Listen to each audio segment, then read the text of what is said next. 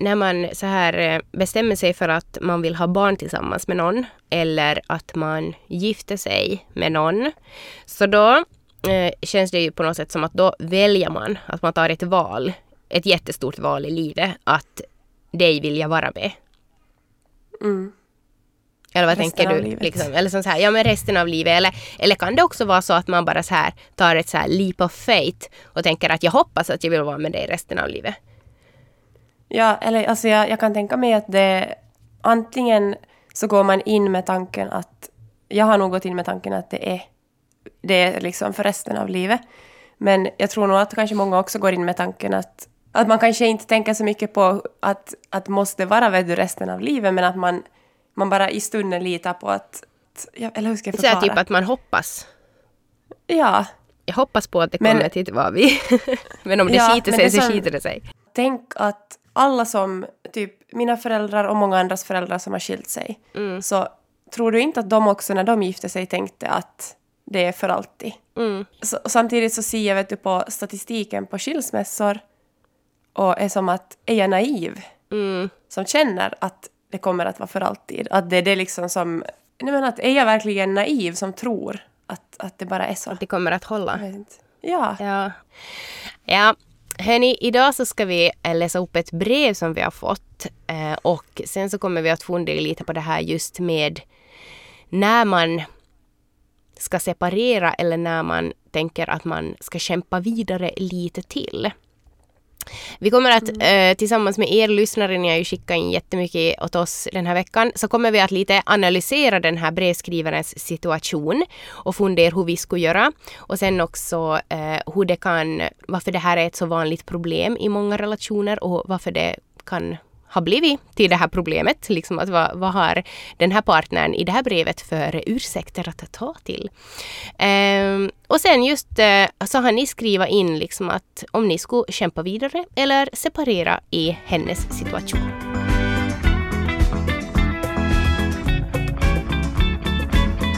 Okej, så häromdagen så fick vi alltså ett eh, brev i vår inkorg.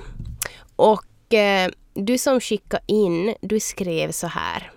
Hej Karro och Rebecka och eh, hej lyssnarna om ni också får läsa detta. Jag har en undran till er som har separerat med småbarn. Vad var det för, som fick er att ta beslutet att faktiskt göra det?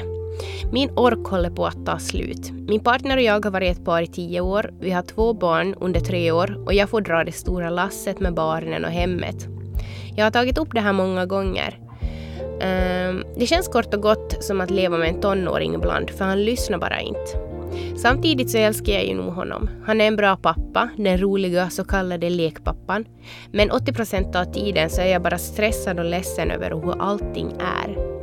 Han förstår verkligen inte mig och parterapi, det vill han absolut inte gå i. Alltså, varför har män så svårt att gå i terapi? Men hur klarar man egentligen en separation? Vi har så mycket fint ihop, ska man bara kasta bort allt det? Det tar så sjukt att tänka på allt det där som kommer att gå förlorat. Samtidigt så känner jag mig kvävd av att vara familjens projektledare som jobbar dygnet runt med barnen och som samtidigt får plocka upp efter honom i hemmet som en jävla tonårsmamma. Jag är bara så trött på allt. Varför är jag så rädd för att separera? Och hur kan jag vara säker på att det är det bästa för oss? Är det det? Så vi la ju alltså upp det här eh, brevet då på vår Instagram, föräldrasnack. Och eh, funderade lite, mm, hade lite frågor till er och eh, ja, vad, vad säger du Rebecka om hennes situation? Utan att gå desto mer in på vad du skulle göra. Alltså, vi har ju fått så må- många meddelanden under de här åren som vi har poddat. Mm. Och jag tycker att den här, alltså hennes berättelse skulle kunna vara så många andra föräldrars berättelser. Alltså, jag tror att, att det är jättemånga som har det på det här sättet. Mm. Nej men alltså jag tror att det här brist på samarbete i hemmet och med, och liksom med barnen är ett jättevanligt problem hos många föräldrapar. Eh, oberoende då om det är mannen eller kvinnan som är den där som inte vill hjälpa till i hemmet. Eller sen om man har ett samkönat par så vi har faktiskt också fått in meddelanden från samkönade par eh, där en då liksom säger att, att det enda som hjälpt oss var att separera för att den andra märkte inte liksom vartåt det barkar liksom just det här med att det är alltid den ena som gör allting. Så att jag tror inte heller att det alltid bara är som man oftast hör om att det är liksom mannen som inte hjälper till. Att det kan ju också vara liksom tvärtom. Ja, men i alla fall så tänker jag att man inte behöver liksom göra någon djupgående analys för att eh, se vilken jäkla utmattning och frustration det är som många känner kring det här.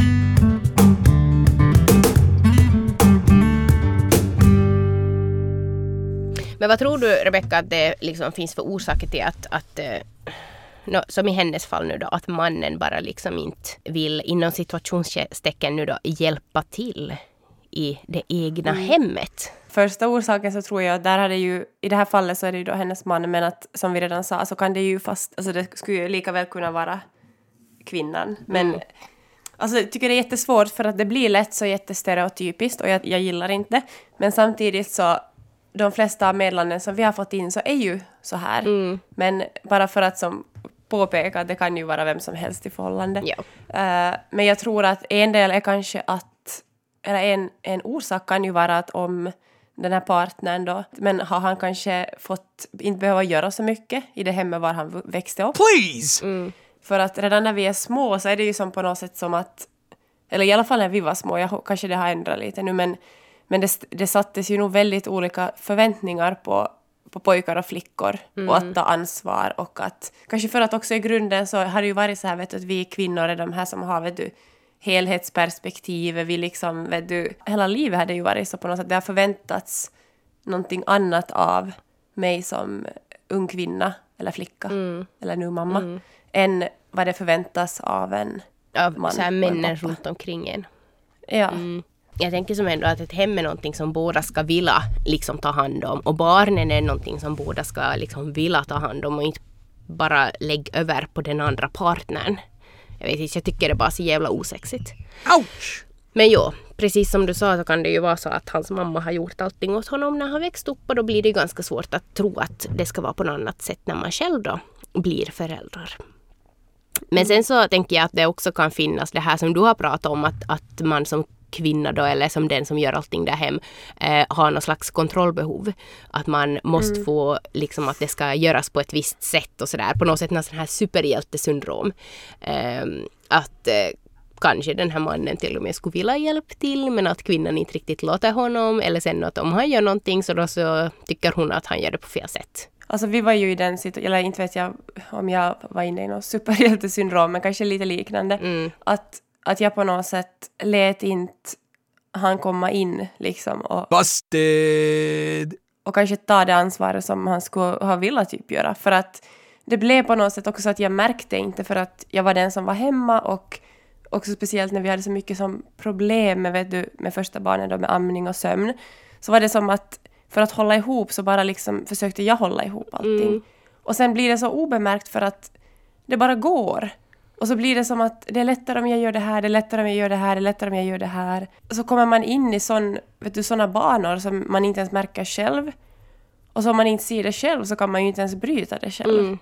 Och så blir det jätteobekvämt också att bryta det för att man är sådär att man är ju bekvämare att vara den som gör allting i hemmet typ. Mm. Men till slut så blir man ändå och helt samtidigt... trött och liksom utmattad och så bara ja. du gör inte någonting och så bara eh, okej okay, det här är ett, en spiral som har byggts upp under ganska lång tid.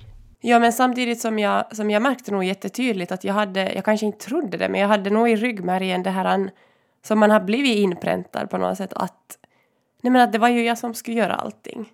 Fast jag inte fattade det själv och det tycker jag tänker där är det också jätte sådär att i deras situation när hon skriver i brevet så det skulle bra ha kunnat vara liksom typ vi som vi skulle kunna vara i den situationen om vi inte skulle ha tagit itu med det och jag inte skulle ha kraschat och vi inte skulle måste ha vi, om vi inte skulle måste dela upp det. Mm. Det är jättesvårt. Ja, ja, ja. Men eh, en annan orsak till att det kan bli så där så kan det ju också vara just liksom att, att den här andra partnern bara helt enkelt inte vet hur man ska göra. Eh, mm. Vilket också kan låta typ som en ursäkt. Men jag tänker som att om det blir så där som, som det var typ i er situation och att om ni ännu skulle hålla på så, så nog skulle det ju vara mm. ganska mycket i hemmet då som Jim ännu inte, alltså han skulle som inte ens liksom på något sätt se vad det är som måste göras Nej. för att du bara vet du gör det sådär osynligt. Ja, där tror jag också det har, där har det ju, vad heter det, mycket, om vi vill ha ett, ett jämställt förhållande idag. Jag tror inte att man kan nästan ha ett jämställt förhållande med barn, föräldraskap, om inte båda är liksom om inte pappan är mera ledig och hemma med barnen. Det är också jättesvårt att vara, vara den partnern som jobbar och kommer hem och på något sätt ska förväntas veta vad man ska göra om... Man, alltså man ser ju inte på samma sätt. Att om man sen är den som är hemma så hamnar man ju som... Man, man får ju inside på ett helt annat sätt. Ja, ja, ja. Och det, är inte, det är inte en ursäkt heller såklart. Men, men det, det känns som att det är lite sådär en eh, ristiritaista, alltså att så jag kan själv också känna att jag hade jättesvårt att ge upp föräldraledighet och Tim. Mm. Men samtidigt så vill jag ju ha ett jämställt förhållande. Mm. På något sätt så var det ändå sådär som att nej men det där är nog mitt. ja, lite egennyttig. Ja. Men sen den mest deprimerande sån här orsaken till att det kan bli så här, det är ju det här att, äh, att det finns faktiskt män som ännu lever kvar i den här tron att männen ska männen blir liksom mindre manliga om de tar tag i en tallrik och diskar den eller om de matar ett barn. Jag skulle säga tvärt emot. Jag skulle säga att man blir mer manlig om man hjälper Ja men exakt. Jag tror också att de flesta kvinnor skulle hålla med om det. Att, eh, mm. att det är liksom typ goals att man ska ha det så i sin relation. Att båda kan ta tag i den där tvättkorgen, båda kan ta tag i, i blöjan. Eh, att det inte liksom är någon skillnad och det är inte heller någonting Alltså så här, det är inte liksom någonting beundransvärt när en man gör det i sitt eget hem. Men att det finns ju ännu de här männen som lever kvar i det här förgångna liksom. Att, att som håller fast vid den här uppfattningen om att män ska behandlas typ som kungar i sitt eget hem. Och alltså, herregud. Som jag sa så tror jag också att det finns jätte, jättemånga kvinnor som, som kanske märker hur de har själv de här gamla rollerna i, liksom i ryggmärgen. Jag menar att det både kanske är mannen och kvinnan, speciellt om man har haft att, typ att bådas föräldrar har varit, det har varit väldigt traditionellt att mamman har varit hemma, mm. eh, pappan har varit den som har jobbat, pappan är typ, vet du, man har inte sett så mycket pappan, han har kommit hem och lekat liksom sådär på kvällarna. Så då är det nog, det kräver ju jättemycket för att väldigt tidigt vet du, försöka bryta det där mönstret så att det inte går vidare.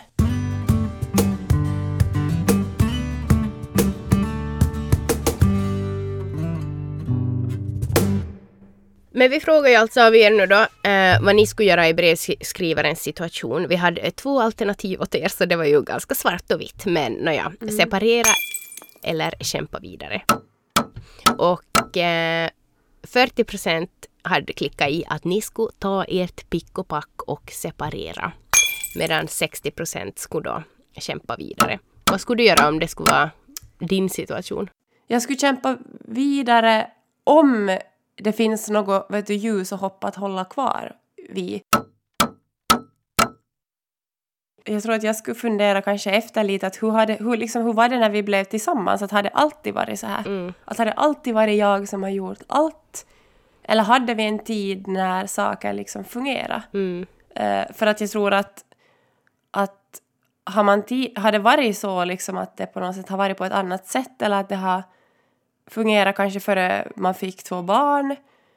Så, så jag vet inte, jag vet jag kanske är jättenaivt, men då, då på något sätt kanske det skulle kännas som att vi har på något sätt ändå varit där och vi kan komma tillbaka till det, men att det kanske kräver och sen nog kanske själv gå och prata med någon. Eh, om han nu inte, om han vägrar komma, gå i terapi, vilket jag tycker också är som skit oavsett om det är mannen eller kvinnan i förhållande som inte vill gå det, men alltså vad fan. Mm. Snälla. Mm. Men jag skulle nog själv i alla fall börja, eller hitta som någon samtalskontakt som kanske skulle kunna ge en objektiv syn på situationen och vad jag skulle få prata av mig. Vad skulle du göra? Separera. mm. Nej men just det där också att, mm, att eftersom att hon skriver att hon är så trött att hon är så trött på situationen och liksom att ska det vara så här?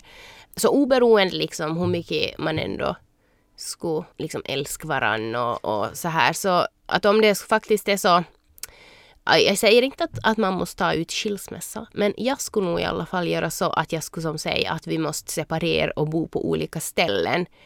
Um, för att på något sätt jag skulle få samla energi och kraft att bara då få ta hand om de barnen som jag har och inte några extra tonårspojk i huset.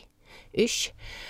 Um, Och att han då också skulle få se eh, liksom vad det faktiskt innebär att sen ha barnen då typ vecka vecka och att vara allt osynligt jobb som man då som kvinna i deras relation då har gjort som han inte ens har märkt av på något sätt för att ge mm. någon slags wake-up call.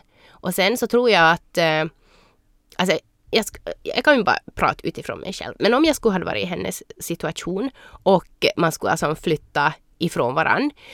Eh, då tror jag att jag skulle tycka att det är så skönt att ha sluppit det här tredje tonårsbarnet så att jag tror att jag skulle ha jättesvårt att gå tillbaks till det. Men om han mm. skulle insistera och vara så här, nej kan inte vi försöka på nytt?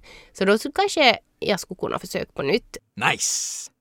Mm, det där tröskeln att sen faktiskt ta ut en riktig skilsmässa skulle nog vara mycket mindre då. Då jag har märkt liksom vad jag skulle kunna leva för liv utan den där energitjuven i hemmet. Alltså skilsmässa känns som en så jättestor sak att jag ser som hela den där skilsmässan och sen också att alltså jag, jag vet inte jag är lite rädd att jag skulle vara den som skulle stanna kvar för barnens skull så att inte barnen skulle behöva bo vecka vecka i det här heller. Alltså jag vet inte och jag vet att det är inte kanske rätt i de flesta fall att man inte ska stanna kvar för barnens skull. Uh, men det är att jag ser bara den där skilsmässan som en, ett stort mörkt moln. Som, ja, det är ju en, en utväg, men samtidigt så är det också jättemycket svårt med en skilsmässa. Som gör mig lite alltså rädd. Inte är det ju en lätt utväg, så att säga. Naja, men en av er, eh, när vi frågade liksom eh, just eh, hur ni skulle göra, så var det en av er som skrev så här.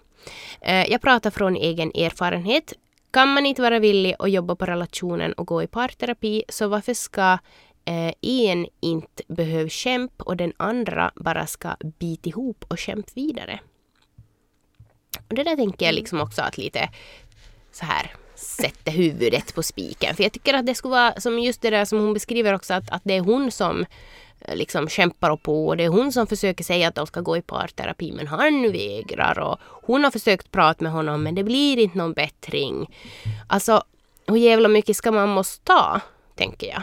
Alltså, nej, alltså jag kan nog faktiskt säga att jag skulle fan aldrig orka med det där. Då kan vi istället vara särbos eh, och liksom älska varann på avstånd. Mm. Eller vad tänker du då? För liksom, vad, vad, vad ger det för liksom, bild åt barnen som bor i ett sånt hem då? Där är, mamman är den som bara är frustrerad hela tiden och gnäller på pappan för att han hjälper inte till nå. Och liksom att barnen på något sätt måste se det, att mamman accepterar sådant där beteende. Jo, absolut. Absolut. Jag tror att, alltså jag vet inte, jag vet kanske jag är lite som skadad av att mina föräldrar skilde sig, men för att jag har som tänkt på det redan när jag var typ kanske 18. Uh, var som sådär att jag tänkte mycket på att vem är jag ens liksom redo att vet du, bli förälder med? Mm. Att, att på något sätt... Sen kan det ju vara så att jag skulle ha... Att när jag träffade Jim och så plötsligt skulle han ha blivit helt annorlunda när vi fick barn. Vet du, att han skulle sluta hjälpa till och allt sånt. Men jag tror att... att eller jag har varit väldigt på något sätt...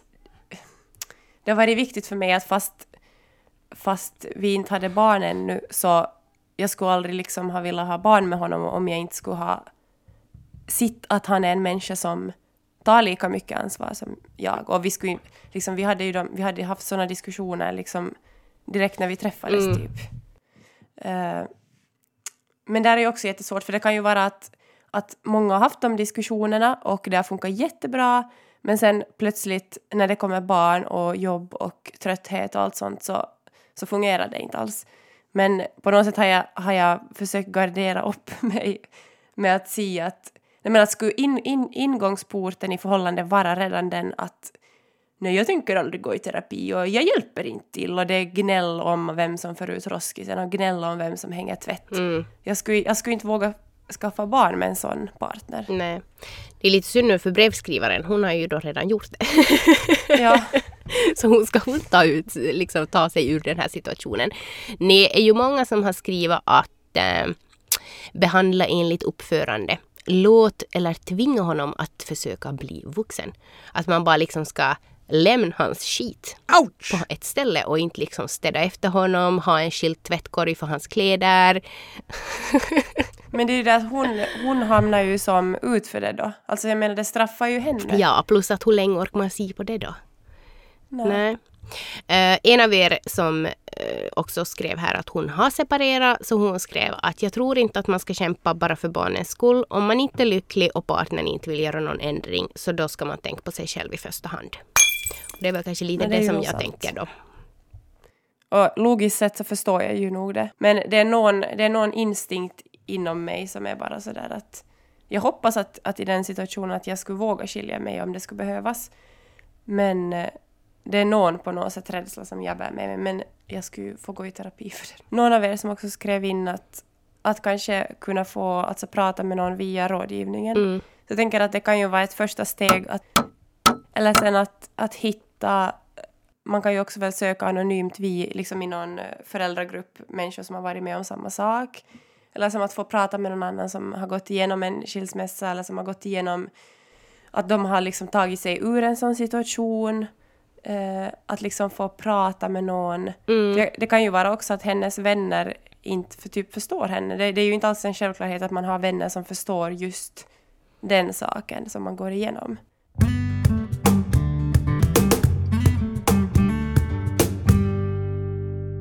Okej, men hörni, vi går vidare. Vi frågar alltså av er eh, på Instagram att eh, ni som faktiskt har tagit steget till att separera, att vad var det som gjorde att ni tog det här steget nu då?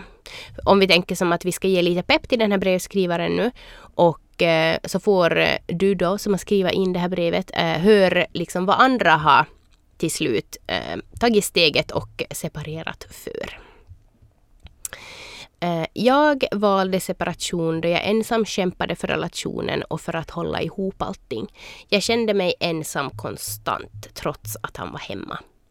Mm, mm, mm. Just det där att hålla ihop allting, det är väl kanske det då i så fall som hon kan känna igen sig i. Jag har tänkt på det där. Hur det måste liksom vara att vara i en relation där man känner sig ensam. Och på något sätt ändå se omkring sig andra, andra i förhållanden där man är två och där man får stöd av varandra och där man liksom är på samma lag. Eller som så här, jag har ju insett eh, hur högt jag ändå värderar just det i en relation. Och så var det en som skrev så här. Eh, otroheten var det som gjorde sista steget. Men i dagens läge skulle jag dock separera för betydligt mindre när jag vet hur det är att vara ensam med barn. Mm. Eh, den där, alltså det där tycker jag att, eh, som jag har tänkt själv på, att är jätte på något sätt... Nej men att det är så hemskt att i många fall, också kanske också för att man har relation utan barn, men också säkert med barn, att det är lättare att ta steget sen om det finns... Nej men om någon har gjort något fel, vet du? Att, Ja. att det... Nej men just sådär att sen när någon är otrogen så då finns det en, en orsak och då liksom är det lättare att ta beslutet. Men just som hon, hon skrev att, att hon skulle göra det mycket tidigare idag. Mm. Ja, men det är ju lätt i sig efteråt. Och att det säger ganska mycket om det är lättare att ta hand om barn och vara ensam än att vara i ett parförhållande. Och, Exakt. Och ta hand om barn Ja. och hemmet. Ja, verkligen. Sant. Ja, jag separerade när respekten helt försvann. Kärleken hade dock försvunnit för länge sedan. Och där tänker jag också att, att, eh, att eh, om man är i den situationen att man faktiskt inte liksom är kär i varandra mer. Alltså då måste det ju vara jättehemskt. För då finns det ju egentligen inte någon så här, vet du, orsak som man kan ta i, liksom just som du sa, att det är som så enkelt om det är typ otrohet. Men jag tänker också att att om, om det skulle hända någonting då, typ eh, förtroendet skulle svikas, det skulle vara otrohet eller ja, men vad som helst annat. Om man direkt känner så här att okej, yes, nu har jag en orsak att fara. Så då borde man ju kanske ha farit för länge sedan. Mm. Eh, en annan av er skrev eh, Jag valde separation när insikten i att jag aldrig kan förändra någon annan kom.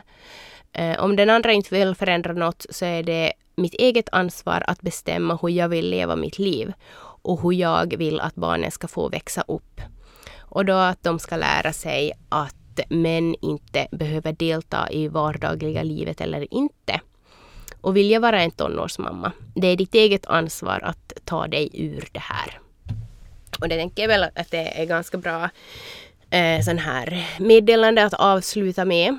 För det är ju faktiskt så att ingen annan är liksom ansvarig över din lycka. Nej, och att man, som hon skrev också, att man kan inte, man kan inte förändra någon annan. Och det kan ju vara en lättnad att våga inse det, men det, kan, det är ju också väldigt smärtsamt att kanske inse det. Att, eller svårt, för att man kanske skulle vilja rädda någon annan. Mm. Att en riktig förändring kommer ju inte att ske om inte den som gör förändringen faktiskt själv.